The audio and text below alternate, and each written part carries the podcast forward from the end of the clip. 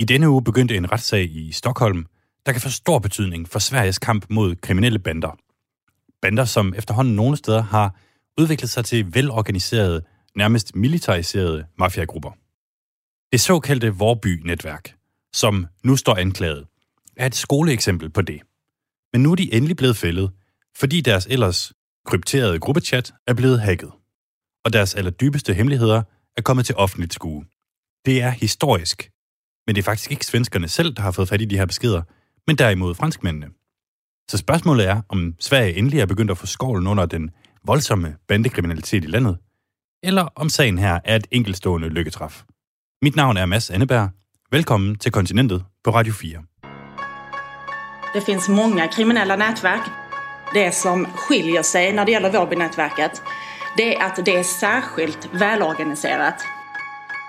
Gatumusik brorsan sanna mina ord Bara mina rader jag åtalas för mord Det här har polisen känt till länge, men haft svårt att riktigt få bevisning kring det.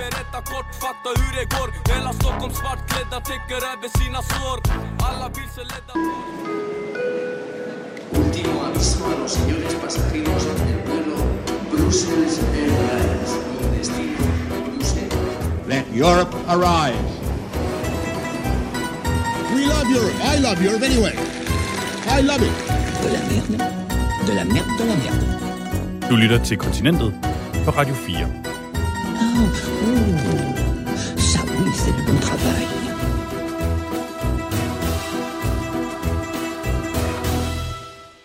Vi skal som sagt tale om den her kæmpemæssige retssag, der lige nu er i gang i Stockholm, hvor 30 personer står tiltalt for alt fra narkotikahandel til morforsøg og bombeattentater. Jeg startede med at ringe til Lasse Virup, der har dækket sagen intensivt, og i øvrigt er en af Sveriges mest erfarne kriminalreportere. Hej Lasse. Ja, hej Mats, hej. Tak fordi du vil tale med mig. Ja, men det är fint. Det går jättebra. Lasse, er det okay, hvis jeg stiller mine spørgsmål på dansk? Absolut. Og du taler bare højt og tydeligt, så jeg kan forstå dig også. Ja. Jag heter Lasse Wierup, jag är kriminalreporter på Dagens Nyheter och har bevakat eh, organiserad brottslighet i Sverige sedan eh, mitten av eh, 90-talet. Siden midten af 90'erne. Det er, det er relativt Ja. lang tid. Øhm, jeg vil egentlig gerne starte med at spørge dig om den her sag, der kører lige nu i, i Stockholm, som virker ret spektakulær. Hvad går den ud på? Det är 30 personer som står åtalade, 30 personer som knyts till ett band som kallas för Vårbynätverket, ett territoriellt eh, band med knytning till en stadsdel i södra Stockholm. Och eh, det är en lång räcka med eh, anklagelser från eh, eh omfattande narkotikahandel till planer på mord, kidnappningar, utpressning, eh, explosioner, bomber och eh, allehanda olika typer av eh, brott. Det er en af de største kriminelle grupperinger i Sverige, Vorby-netværket, som svensk politi efter en langvarig efterforskning nu endelig har fået optrævlet. som ju eh, nästan uteslutande vilar på eh, dekrypterat Encrochat-material eh, genom att eh, Sverige fick hjälp av fransk polis och Europol att då kunna samla in information som de här eh, bandemedlemmarna aldrig trodde skulle nå polisen. Hele det 15.000 sider lange anklageskrift hviler stort set på en stor gave, som man har fået af fransk politi. Nemlig muligheden for at læse med i en ellers sindrigt krypteret beskedtjeneste ved navn EncroChat, hvor banderne troede, de kunne kommunikere fuldstændig frit. Lasse Virup fortæller, at det er en stor sag på to måder. Dels fordi der er hele 30 anklagede, heriblandt højtstående bandemedlemmer og lederen af hele grupperingen, men også fordi materialet har givet et unikt indblik i, hvor hierarkisk og velorganiseret det kriminelle netværk er. 30 stycken eh, som åtalas på samma gång visar ju magnituden av eh, den här brottsligheten, hur många det är som är involverade. Och den är också stor på det sättet att man kan se väldigt tydligt hur ett sånt här nätverk är organiserat hierarkiskt med en ledare högst upp som eh, eh under den senaste tiden inte har funnits i Sverige utan han har suttit nere i Madrid och enligt åklagaren styrt all verksamhet från Spanien genom de här krypterade mobilerna, Encrochat. En 33-årig mand har ledet organisationen fra Spanien via den her krypterede chat. Og så har han haft kaptajner under sig i Sverige, som under sig har haft såkaldte soldater. Som et lille minisamfund har der været faste protokoller for straf og belønning. Det finns väldigt mycket dokumentation om eh, hur ordergivningen går till och hur bestraffningar, disciplinära bestraffningar går till inom den här organisationen. Och hur man belönar också de som har eh, arbetat för att organisationen ska eh, stärka sin ställning och tjäna mer pengar. Og hvordan vil du karakterisere det her, som hedder Vorby-netværket? Jag kan säga att det är en narkotikaorganisation som eh, har byggt upp eh, en ansenlig förmögenhet genom att distribuera... Centralt i Vorby-netværket har været deres indtjeningskilde, narkotikahandel. Med det er gruppen gået fra at være en mindre forstadsbande til et stort forgrenet netværk af forskellige grupper i Sverige og med internationale kontakter. i södra Stockholm. Och man har också då kommit att eh, närma sig de internationella organisationer som tillhandahåller narkotika. Men med den her narkohandel er der også fuldt, hvad Lasse Virup kalder besindelsesløs vold mellem Vorby-netværket og rivaliserende grupper. Blandt andet med planlagte morforsøg og bombeattentater. Narkotikan är det som ger pengar. Det ger status, det ger ställning, det ger kapital. Man kan använda detta för att köpa in vapen. Men i narkotikahandeln så blir det förr eller senare alltid skulle jag säga konflikter. Och då skyr man inga medel utan då är det eh, besinningslöst våld Eh, man tar till. Och, och i det här fallet så har man då från polisens sida hittat ett tjugotal vapen, eh, många automatvapen, eh, som visar vilken arsenal eh, den här grupperingen har haft. Det här var alltså Lasse Virup, mangeårig kriminalreporter på Dagens Nyheter och författare till flera böcker om de svenska bander. Ham vender vi tilbage til lidt senere i programmet, hvor vi blandt andet skal tale om den del af sagen her, som du måske allerede har hørt lidt om, nemlig den kendte svenske rapper, som også er anklaget i sagen. Polisen vet jag är kapabel Kriminalvården flyttar runt oss som nomader Där ute jag kan fylla lokaler Du lyssnar på Kontinenten på Radio 4. Du lytter til Kontinentet på Radio 4. Som Lasse Virup lige har været inde på, så er narkokriminalitet en central del af anklageskriftet i den her sag. Og det er det, der har gjort, at banden har kunne stige op fra at være en kriminel gruppering i en lille forstad til en bande med kontakter over det meste af Sverige. Derfor ringede jeg til Kim Møller. Han er dansker og kriminolog, men arbejder på Universitetet i Malmø, hvor han netop beskæftiger sig med narkotikamarkedet i Sverige. Jeg har forsket i øh, narkotikamarkeder i øh, de sidste øh, ja, 15 år eller sådan noget. Og fordi det er et illegalt marked, så dækker det også over sådan, lovgivningen og politihåndhævelsen og de her diverse øh, kriminelle organisationer, der står bag øh, distributionen og, og salget. Hvor stor en rolle spiller narkotika i den her øh, store retssag, som der er i gang i Sverige lige nu mod Vorby-netværket? Indirekte vil jeg sige en, øh, en øh, meget stor rolle. Altså grundlæggende er det illegale narkomarked jo den største af de illegale markeder, så det er en øh, ganske væsentlig indtægtskilde for de her forskellige øh, bandegrupperinger. Altså de, de beskæftiger sig også med, med andre ting, men den, nok den største del af deres indtjening kommer fra, fra salg af narko. Hvis man øh, følger de danske medier, så får man hurtigt det indtryk, at bandekriminalitet og også den her organiserede øh, bandekriminalitet er et kæmpe problem i Sverige. Er det det? Ja, ja. Der, de har rigtig meget øh, vold øh, i, i forbindelse med de her bander. Det har vi også i, i Danmark, men øh, det, det har været endnu værre i Sverige. Altså, Sverige har historisk set haft øh, lettere adgang til øh, våben. Altså øh, snakker om, at øh, en del af de her våben er hentet øh, på, på Balkan efter krigene øh, i, i eks-Jugoslavien. Så der er en, en større udbredelse af våben, øh, og de har en større, øh, større del af befolkningen, der bor i de her fororter, altså forstader øh, karakteriseret med sådan store almennyttige boligbyggerier uden for, for de større byer, som er de her områder, hvor de her gadebander typisk øh, vokser frem. Øhm, og de øh, bekriger hinanden på kryds og tværs. Det er meget mere ustabilt, så de, de er konstant i konflikt.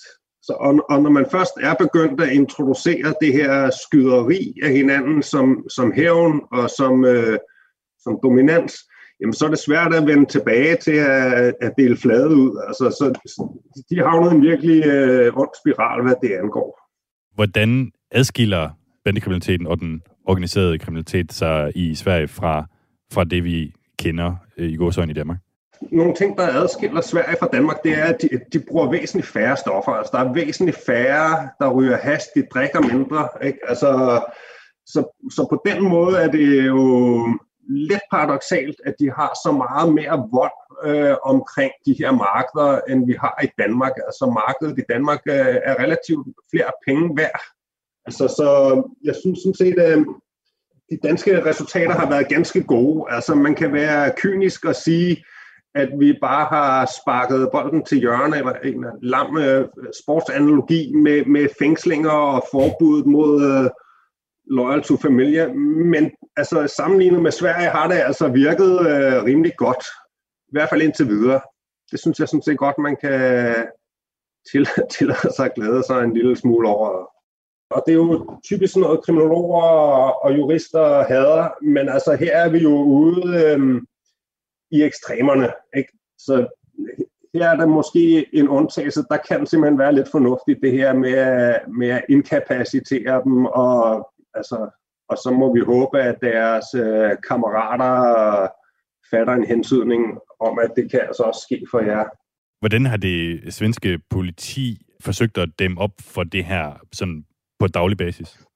De laver, de laver det her um, fokuseret øh, afskrækkelse, kalder vi det inden for kriminologien, hvor man jo så for eksempel øh, udser sig Malmø så, som et område, øh, og så simpelthen bare sætter massivt ind med, med politiressourcer, nemlig på at få, få arresteret øh, de meste øh, voldelige personer i, i de her netværk, og på den måde også øh, få, få afskrækket øh, resten af netværket.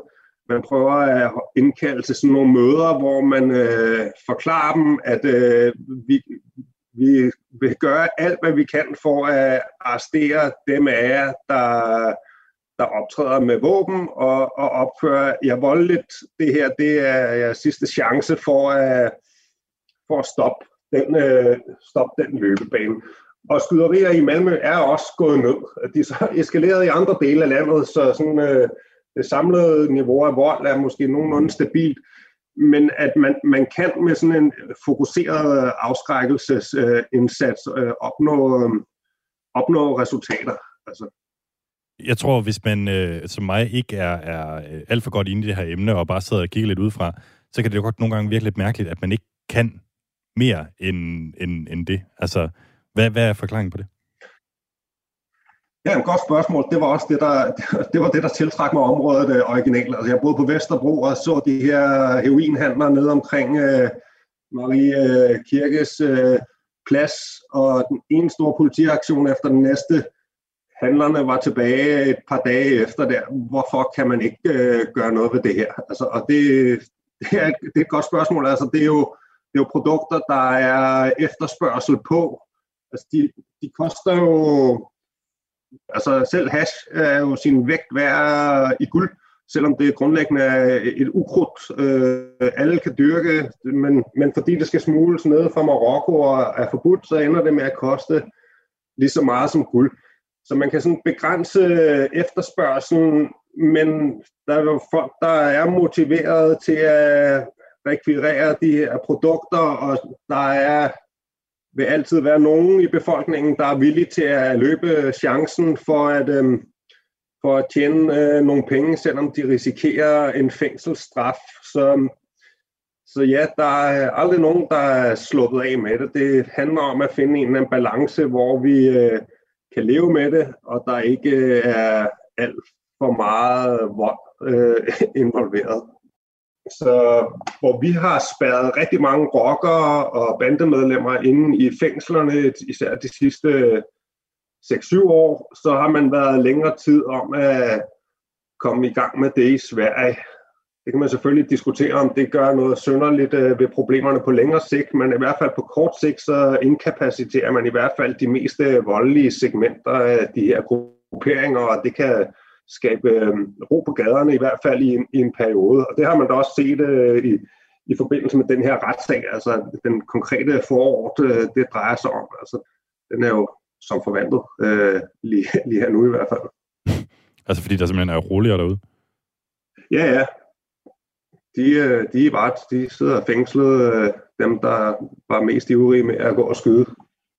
De er jo så blevet fældet øh, på, på baggrund af sådan en øh, krypteret chat-tjeneste, som ikke var så sikker øh, alligevel, hvor det jo også viser, hvad skal man sige, netop den her handel med øh, øh narkotika. Er du overrasket over, at det lige præcis er, er det, der ender med at fælde dem i sidste ende?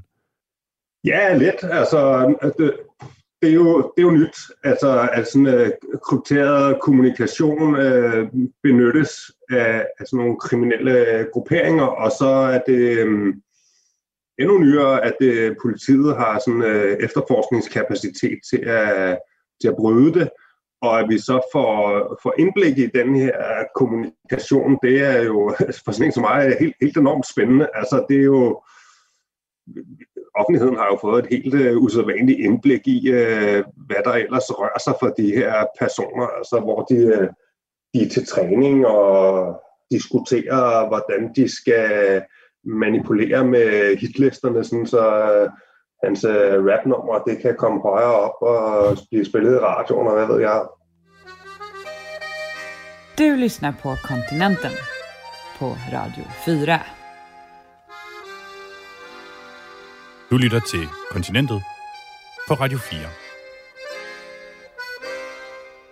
Det var altså Kim Møller, dansk kriminolog på Universitetet i Malmø. De her hackede beskeder fra det såkaldte EncroChat har altså endelig gjort politiet i stand til at rejse tiltale mod en lang række bandemedlemmer fra Vorby-netværket. Heriblandt den øverste leder. Men hvorfor har de overhovedet kunne undgå politiet i så mange år?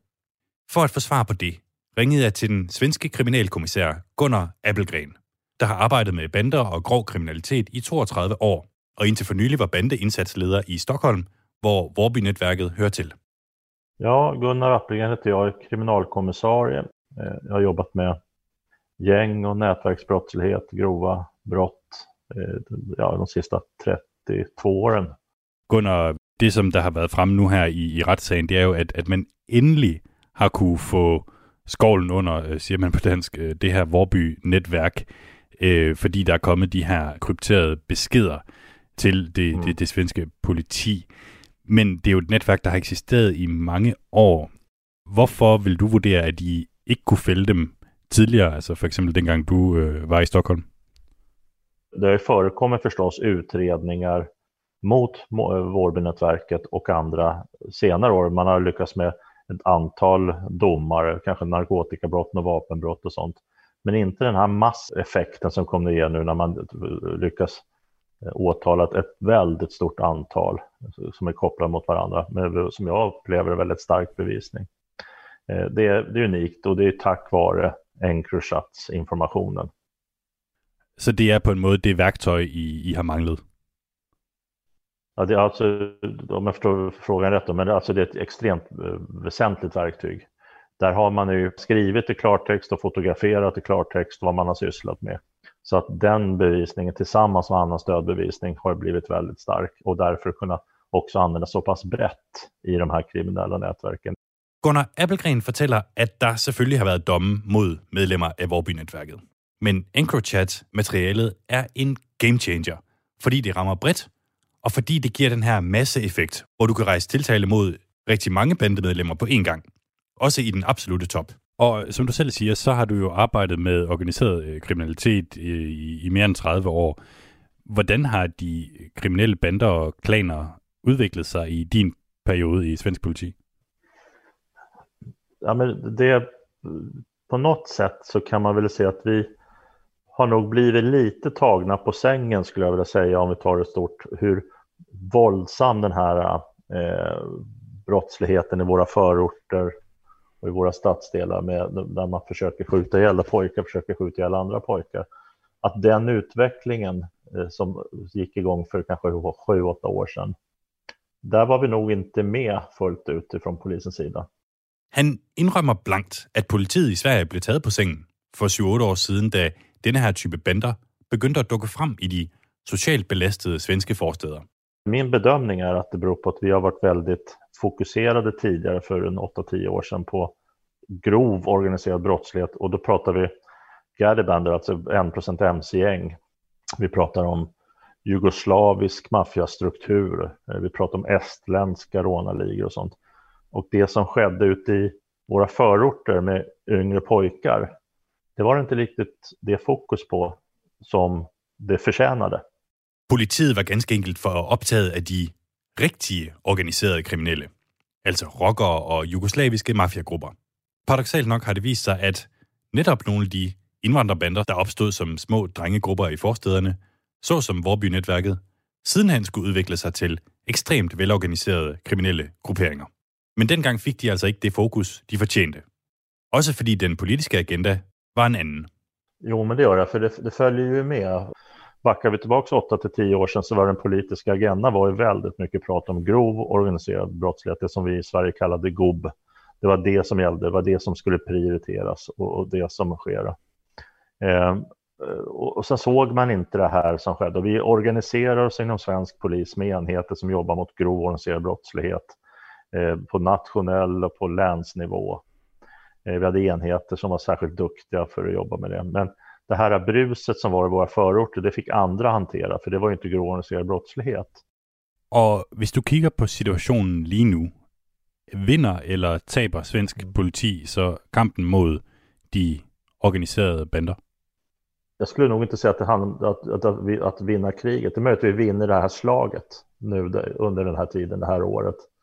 Eh, Och det som kanske kommer mera krypterad information från andra appar.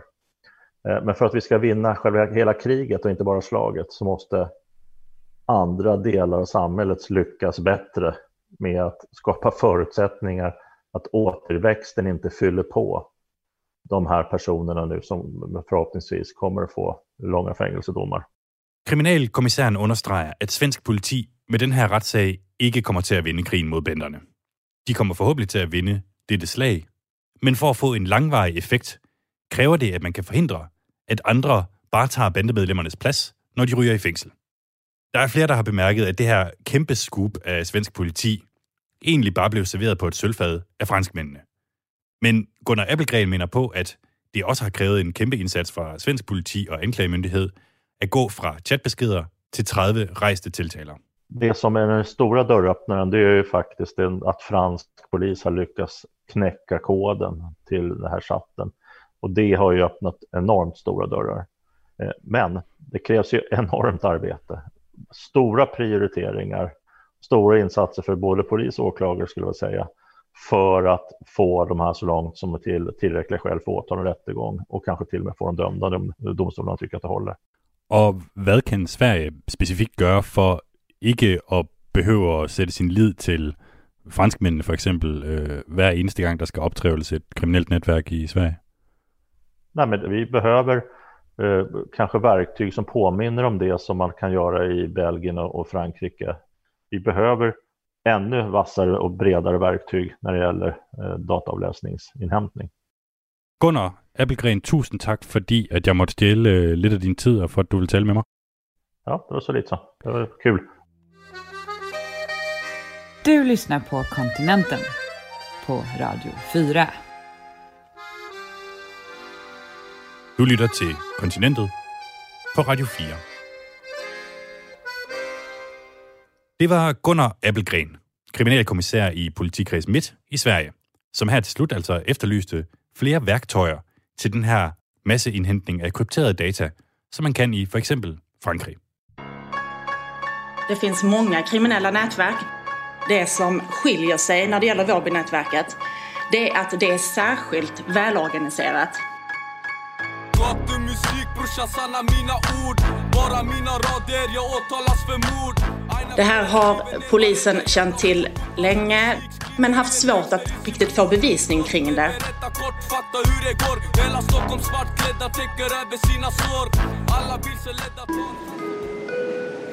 Último aviso a los señores pasajeros del vuelo Brussels Airlines con destino Bruselas. Let Europe arise. We love Europe. I love Europe anyway. I love it. De la merde. De la merde, de la merde. Du lytter til Kontinentet på Radio 4. Oh, oh. Ça oui, c'est du bon travail.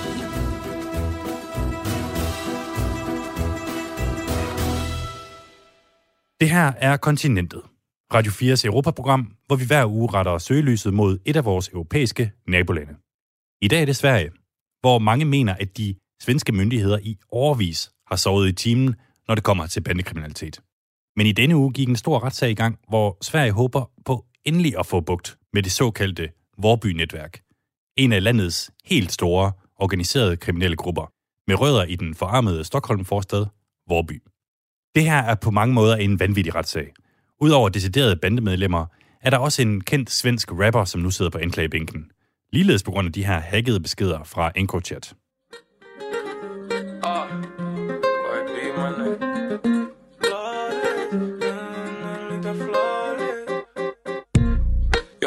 Yasin, som rapperen hedder, har tidligere siddet i fængsel og er nu tiltalt for at have hjulpet Vorby-netværket med et kidnapningsforsøg på en anden svensk rapper. Yasin har ellers ikke forbindelse direkte til det her netværk, men derimod et andet kriminelt netværk. bilar som folk byter kanaler Project baby med höga riskfaktorer missar Petri Guld, satt med fulla restriktioner Vi vender lige tilbage til Lasse Virup, som altså er journalist på Dagens Nyheder og en af Sveriges mest erfarne kriminalreportere. Ifølge Lasse Virup er der klare forbindelser mellem de kriminelle netværk og flere svenske rappere, der agerer som en slags ambassadør for den livsstil, som banderne tilbyder. Alltså man kan ju se att många av de här nätverken runt om i Stockholm och i andra delar av Sverige har haft sina egna rappare eh, som har hjälpt till att bygga upp ryktet. Eh, att eh, marknadsföra en livsstil och signalera att man är framgångsrik och man är beredd att gå så långt det behövs för att bekämpa sina fiender när man visar upp sina vapen och man visar eh, eh, upp att man är beredda och, och angripa polisen också. Så det bidrar ju till mytbildningen eh, kring de här grupperingarna och gör det, skulle jag säga, enklare att locka in unga pojkar, kanske 10, 12, 13 år gamla.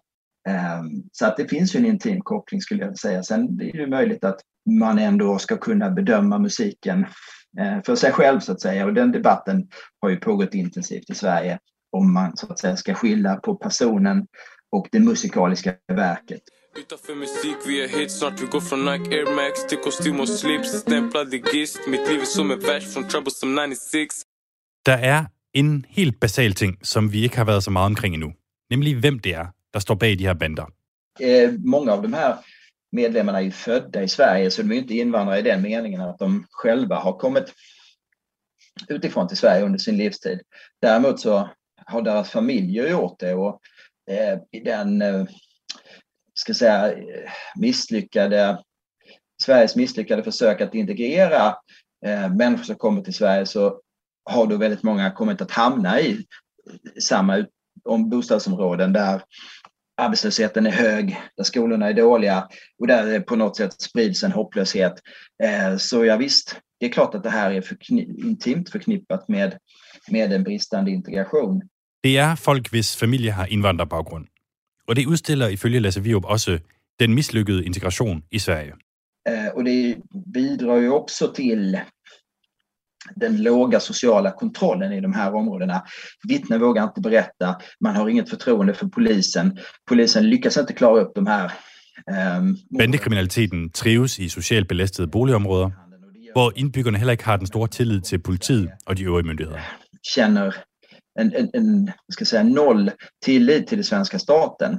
Det som har ändrat detta är ju då den här fantastiska saken med Encrochat. Plötsligt så kan vi se Men den mistillid håber han vil blive mindre, efter at det nu rent faktisk er lykkedes politiet at anholde og rejse tiltale mod så mange bandemedlemmer. och nu åtalas. Det är hundratals kriminella individer från de här nätverken som nu eh, sitter i, i, eh, i varetektsfängsle. Och det tror jag har bidragit till att förtroendet för den svenska staten bland invandrare och bland människor i de här områdena har ökat. Och förhoppningsvis kommer det att göra att polisen kommer att få lättare att få människors förtroende och människors vittnesmål för att i det långa loppet bekämpa de här organisationerna.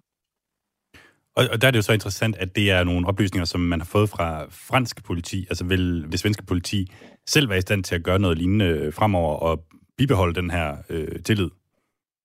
Ja, om vi pratar om de tekniska förutsättningarna för att avlyssna eh, dekrypterad kommunikation via mobiltelefoner så pågår det just nu en intensiv debatt i Sverige eh, om man ska få göra detta utan konkreta brottsmisstankar. I Sverige må politiet kun hacke sig ind på folks mobiler og computere, hvis der foreligger en konkret mistanke mod vedkommende. Ifølge Lasse Virup har flere domstole dog sagt god for, at man kan bruge det her materiale fra Frankrig. Men nu diskuteres det altså, om svenskerne också selv skal gå endnu videre og ligesom Frankrig kunne støvsuge hele systemer for data. Frankrike kunde avlyssna ett helt system. Och nu har vi en debatt om, om Sverige också ska få göra detta för att det finns ju en väldig ska säga, eufori hos eh, svenska politiker och svenska polischefer och eh, allmänheten när vi nu ser att faktiskt polisen och staten har möjlighet att komma åt de här nätverken. Och det är klart att det avspeglar sig i den politiska diskussionen. Lasse Virup beretter altså om en regulær eufori i Sverige over de her oplysninger, som har fået politikerne til at vurdere, om politiet skal kunne gå endnu længere i sin overvågning. For det, at Vorby-netværket nu har fået en over nakken, er ikke nok. Ifølge Lasse Virup findes der 8-10 lignende netværk i Sverige. Det finns i Göteborg, det finns i Malmö och det finns på andra håll i Stockholm. Eh, så tvingas vi nog inse att det är mycket av, av eh, detta som vi inte har upptäckt tidigare. Eh, men genom den här unika eh, informationsbanken som Encrochat-materialet utgör så kan man plötsligt få facit. Det är Pandoras box som öppnar sig. Sidste år der øh, udkom din bog, der hedder Gangsterparadiset. Sådan blev Sveriges skueplads for bandekriminalitet, skyderier og attentater. Hvordan blev Sverige egentlig det? Jag tror det enkla svaret är att det fanns en väldig naivitet eh, från den svenska riksdagens sida. Man underskattade problemet med de territoriella nätverken Eh, och när man väl förstod det så ehm, var man fortfarande tveksam till att eh, göra vad som krävdes och ge polisen de verktyg som man behövde. Lasse Virup mener helt bestemt, at de svenske politikere har sovet i timen. De var naive i starten, og da de endelig indså problemets omfang, var de til med også for langsomme til at reagere. Det ledde till att unga killar, 16, 17, 18 år, eh, kunde eh, begå mord utan att åka fast. Og det ledte simpelthen til, at unge teenage-drenge kunne begå mord uden at komme i fængsel. Det blev mer eller mindre riskfritt att gå omkring med vapen och skjuta. Även om de åkte fast så kunde de få tre års fängelse eller tre års... I værste fald kunne de slippe øh, omkring tre år. När dansk domstol i eh, augusti förra året eh, tog upp ett mål med svenska bandemedlemmar från Stockholm och dömde de här tonåringarna i det fallet till 20 års fängelse, då blir det ett uppvaknande för svensk del. Man tittar på Danmark så säger man att... Virup mener faktisk, at det blev et vendepunkt for Sverige, da Danmark sidste år idømte fem svenske bandemedlemmer historisk lange fængselsstraffe. Krävs. Eh, vi måste vakna upp ur vår, eh, vad ska vi säga, törnrosa dröm här. Blandt de fem var der to, som kun var 17 år på gerningstidspunktet. Og i stedet for at få 3-4 års fængsel, som de ville have fået i Sverige, så fik de 20. Och det fick simpelthen Sverige till att vakna upp från sin tornerosesömn. Och det är kanske så att det behöver ske saker i andra länder som i Danmark och som i Frankrike med fallet med Encrochat för att vi riktigt ska få de här tydliga exemplen på hur en stat kan hantera eh, ett, ett, en brottslig utmaning. På samme måde har det franske politis adgang til de her krypterede beskeder igen fået debatten i gang i Sverige om, hvordan andre lande håndterer bandeproblemet. Ifølge Lasse Virup går selvrentagelsen helt ind til kernen af den her bløde model, som Sverige indtil for nylig har fulgt.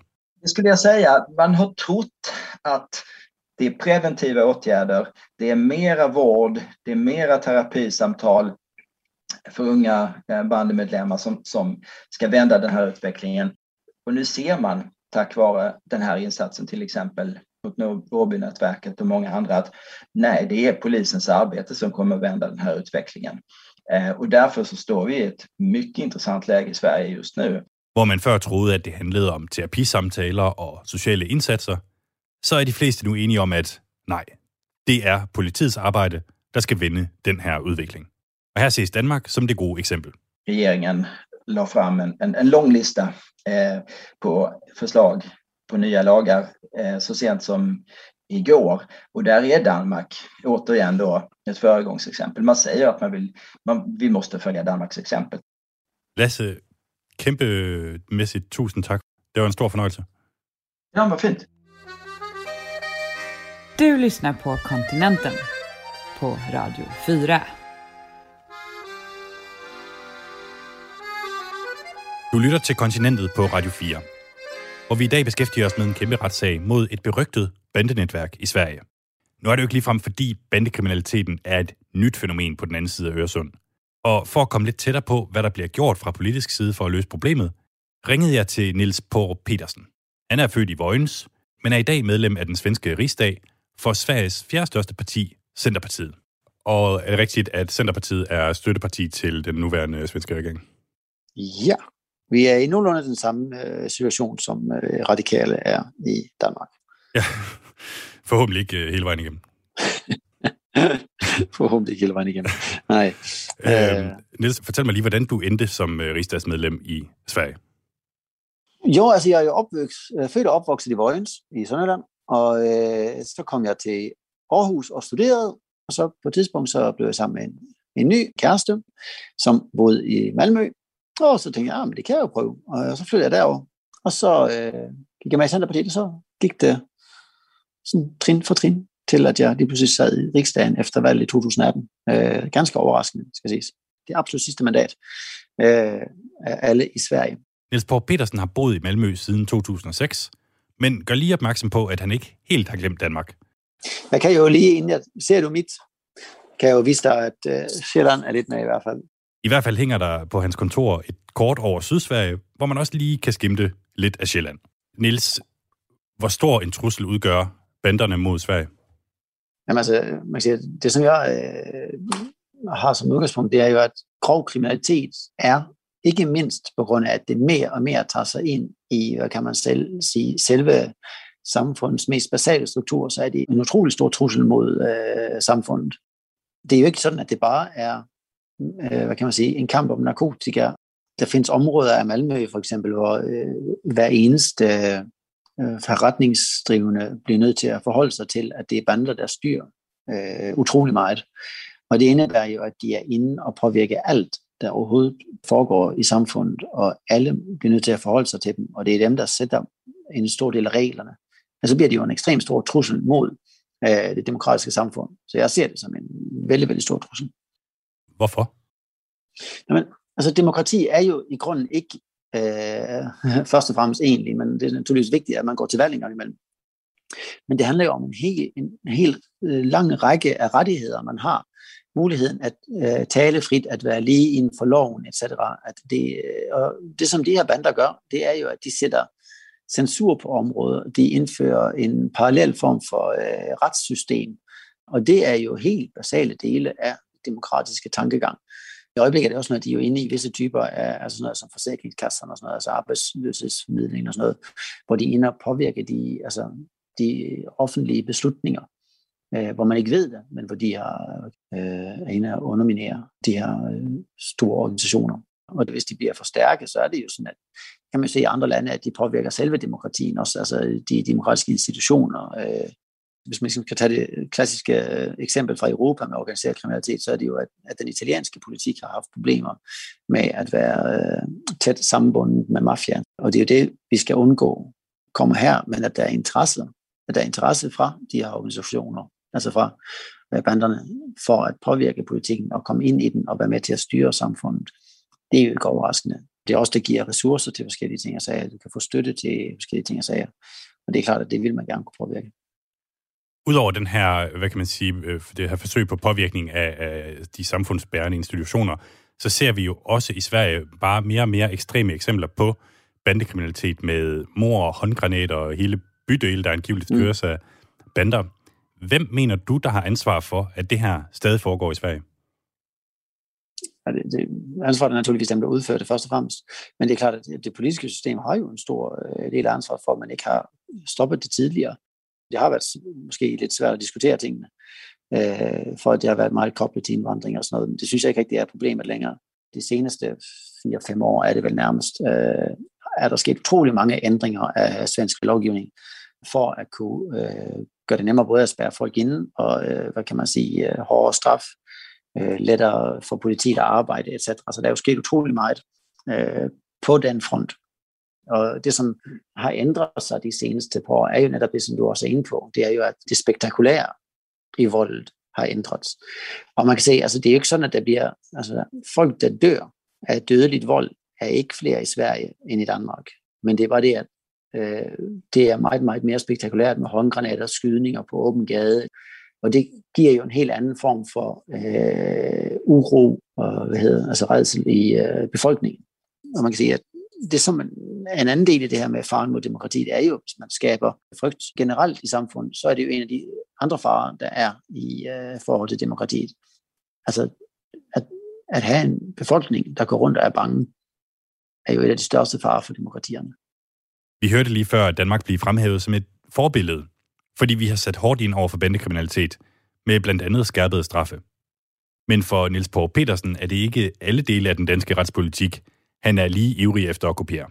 Når, når jeg følger dansk debat, så virker det som om, at øh, Danmark tror, at uh, Sverige er helt af helvede til, at Danmark er vejen frem for alting. Men man kan jo sige, at uh, jeg er jo ikke uh, imponeret over uh, alting, som gøres i Danmark heller. Altså, når man, når man kigger på uh, for eksempel ghettopakken, hvor man uh, gør forskel på, hvilke straffeniveauer folk får, afhængig af, hvor øh, forbrydelsen begås, etc., så åbner man jo for en differentiering inden for loven, som jeg synes er problematisk rent principielt, som indebærer, at bor du i et øh, fattigt område, så er der større sandsynlighed for, at du får et hårdt straf, hvis du begår fysisk vold, end hvis du bor i et rigt område, og det synes jeg jo ikke er en øh, sund princip.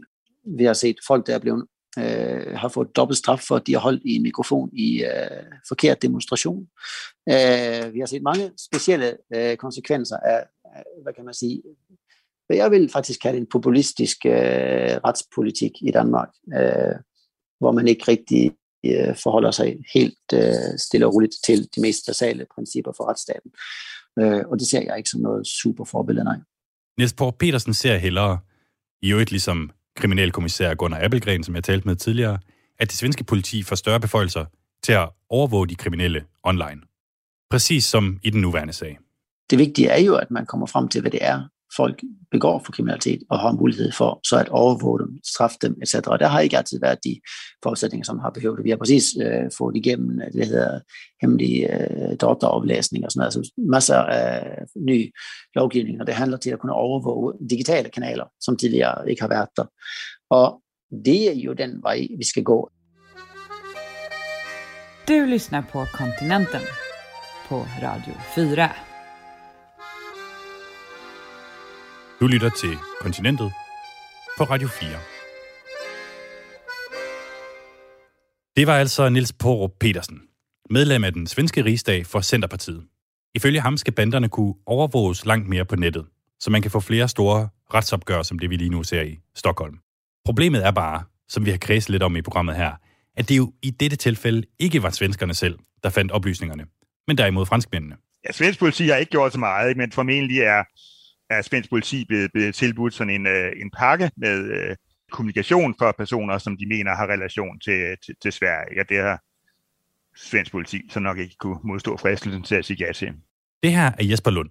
Han er formand for IT-politisk forening her i Danmark, som arbejder for at beskytte borgernes digitale rettigheder og privatliv mod staten. Jeg ringede til ham for at blive klogere på EncroChat, altså den her beskedtjeneste, som Vorby-netværket brugte til at koordinere deres aktiviteter, og som også i andre europæiske lande har været som manna fra himlen for politiet. Men lad os måske lige starte med at få etableret, hvad EncroChat egentlig er. EncroChat øh, er, eller rettere var, for nu er tjenesten lukket, en, øh, en, en øh, krypteret øh, kommunikationstjeneste. I princippet ligesom øh, WhatsApp, som, øh, som, som mange bruger, eller Signal, som, som øh, lidt færre bruger. Det, der var specielt ved, ved EncroChat-appen, øh, det var, at den, den kunne ikke installeres for de almindelige App Stores, men du skulle købe en, øh, en særlig, øh, særlig dyr telefon fra EncroChat-firmaet, Øh, og den her telefon var så hardware modificeret på forskellige punkter. Øh, GPS var fjernet, øh, mikrofonen var, var, var fjernet. EncroChat var bygget på en måde, så ingen kunne læse med, fordi beskeder ikke blev gemt på en server. Men fransk politi formåede altså at hacke systemet, så at de fik tilsendt en kopi af hver eneste besked, der blev sendt. Det lykkedes så øh, et samarbejde mellem, mellem øh, fransk politi og nederlandsk politi at sende falske opdateringer til de her 60.000 øh, telefoner, der bruger EncroChat-tjenesten. Og den her opdatering fjernede så noget af krypteringen, og den fjernede noget af, af, af nogle af sikkerhedsforanstaltningerne. Og det gjorde, at alle 60.000 brugere, øh, uden at øh, de vidste det, sendte kopier af deres øh, beskeder, af der, beskeder, som de troede var, var krypteret og hemmelige, blev sendt øh, til øh, fransk politi. Hvem bruger sådan en tjeneste her som EncroChat? Ja, det er jo, det er jo, det er jo et godt spørgsmål. Altså, det, det, øh, altså, det, det er. Politiet vil komme og sige, at det, det primært er, er øh, kriminelle, der, der, der, der, der bruger øh, EncroChat, og, og det, det er de også nødt til at sige for at retfærdiggøre den, den efterforskning og den øh, de, øh, som, som, og de foranstaltninger, de, de er i gang sat over for EncroChat, ikke? men altså man kan sige, på den måde, det er designet på, og i og med, at telefonerne var relativt dyre at bruge, ikke, så øh, er det jo folk, der havde særlige sikkerhedsbehov, ikke? Øh, og det kunne også være øh, som kendte personer, der, der, der frygtede at blive hacket af journalister, ikke? som vi faktisk har set i, øh, i Storbritannien, hvor de britiske tabloidmedier meget aggressivt er gået efter, efter celebrities. Hvordan, øh, hvis man kigger på, på resten af Europa, altså der har også været andre lande, hvor de har fået en, en lille pakke, øh, og, og selvfølgelig har Frankrig og Holland også selv brugt det. Altså hvad, hvad, hvad har man kunne få ud af de her oplysninger i, i, øh, i andre lande? Ja, altså, så lige jeg har forstået, er der, er der mere end 1000 personer, der, der, der allerede er blevet, blevet tiltaget øh, rundt omkring i Europa, som, som, som som følger det her. Ikke? Så øh, altså, altså i, i og med, at man, man, øh, øh man har haft adgang til at man sige, åbne, åbne alle personers breve, øh, inden, inden de bliver afsendt, i tilfælde åbne alle personers øh, ellers hemmelige private øh, beskeder, ikke? så har man jo kunne finde noget øh, på dem. Ikke? Og der er selvfølgelig blandt de 60.000 brugere mange, der er beskæftiget med eksempelvis øh, narkotikahandel øh, og, og andre kriminelle øh, aktiviteter, ikke, som, øh, hvor de så ligesom har ja, leveret bevismateriale mod sig selv, fordi man uden mistanke mod, altså uden individuel mistanke mod de her 60.000 brugere har fået adgang til al kommunikation, ikke? og så har man kunnet, øh, kunne finde, øh, kunne finde noget på dem. Ikke? Der, der, der er det meget, et meget berømt citat af en fransk kardinal, der sagde, hvis du, hvis du giver mig seks linjer skrevet af den mest ærlige mand, så vil jeg kunne finde noget at dømme ham for det er jo sådan lidt, altså her har man haft væsentligt mere end, øh, end seks linjer for, for de, øh, de 60.000 brugere, ikke? Øh, så og jeg har måske allerede lidt en fornemmelse af det, men hvad mener du om politiets brug af de her chatbeskeder? Altså det, det, er det er jo meget problematisk, øh, den måde, man har, man har lavet EncroChat efterforskning på, ikke? fordi man har ikke, altså aflytning er et, et, et øh, det, er jo et vidtgående indgreb i borgernes frihedsrettigheder, ikke? og det må kun ske efter en foregående mistanke mod, mod en konkret person. Her har man reelt aflyttet, måske ikke en hel befolkning, det er så meget sagt, ikke, men man har aflyttet samtlige brugere af EncroChat-tjenesten, ikke, fordi man følte sig overbevist om, at de, de, var, de var alle sammen øh, kriminelle. Og det ved man godt, det ikke er sandt. Altså fransk politi, da, da, de, da det her blev kendt i, øh, i øh, juni sidste år, ikke, så udsendte de en pressemeddelelse om, at hvis man, øh, hvis man mente, at man var uskyldig, så kunne man henvende sig til, øh, til, til fransk politi og, øh, og få sine, sine oplysninger slettet eller udleveret. Øh, men det er, jo ikke, det er jo ikke den måde, det normalt fungerer på. Vi skal ikke bevise over for politiet, over for myndighederne, at vi er uskyldige. Det er staten, der skal bevise, at øh, du har gjort noget. Ikke? Og, øh, og det viser sig, at blandt de 60.000 brugere, ikke, så er der jo, øh, altså, der er selvfølgelig ikke kun øh, øh, kriminelle, der er også advokater, som øh, har en, øh, altså man siger, deres kommunikation med deres klienter er særlig privilegeret og må normalt ikke øh, aflyttes af, af staten under, under, under nogen omstændigheder, ikke? men det kan man jo ikke skille mellem, når man går i gang på den måde, som man har, man har gjort mod EncroChat, bare går efter dem alle sammen og øh, hacker hele banden, og så ser, hvad der, hvad der, øh, der ligesom øh, dukker op, når man, når man åbner samtlige breve i, øh, i de sorte kabinetter, som man gjorde i for, for flere hundrede år siden.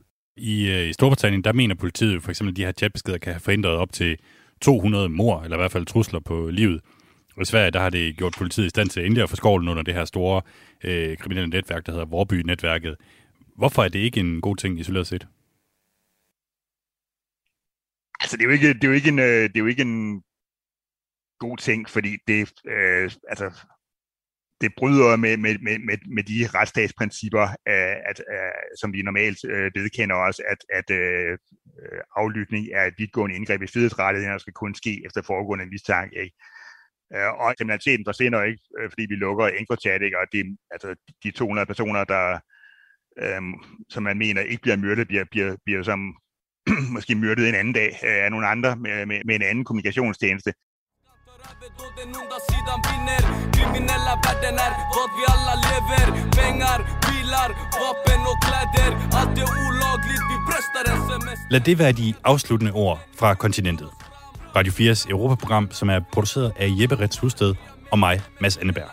Og selvfølgelig ikke mindst vores spritnye praktikant her på programmet, Benjamin Munk. Du kan naturligvis finde os på podcast under navnet Kontinentet, bestemt form. Mange tak for, at du har lyttet med. Stockholm city, det är rakt om isär Drömmer om Hawaii,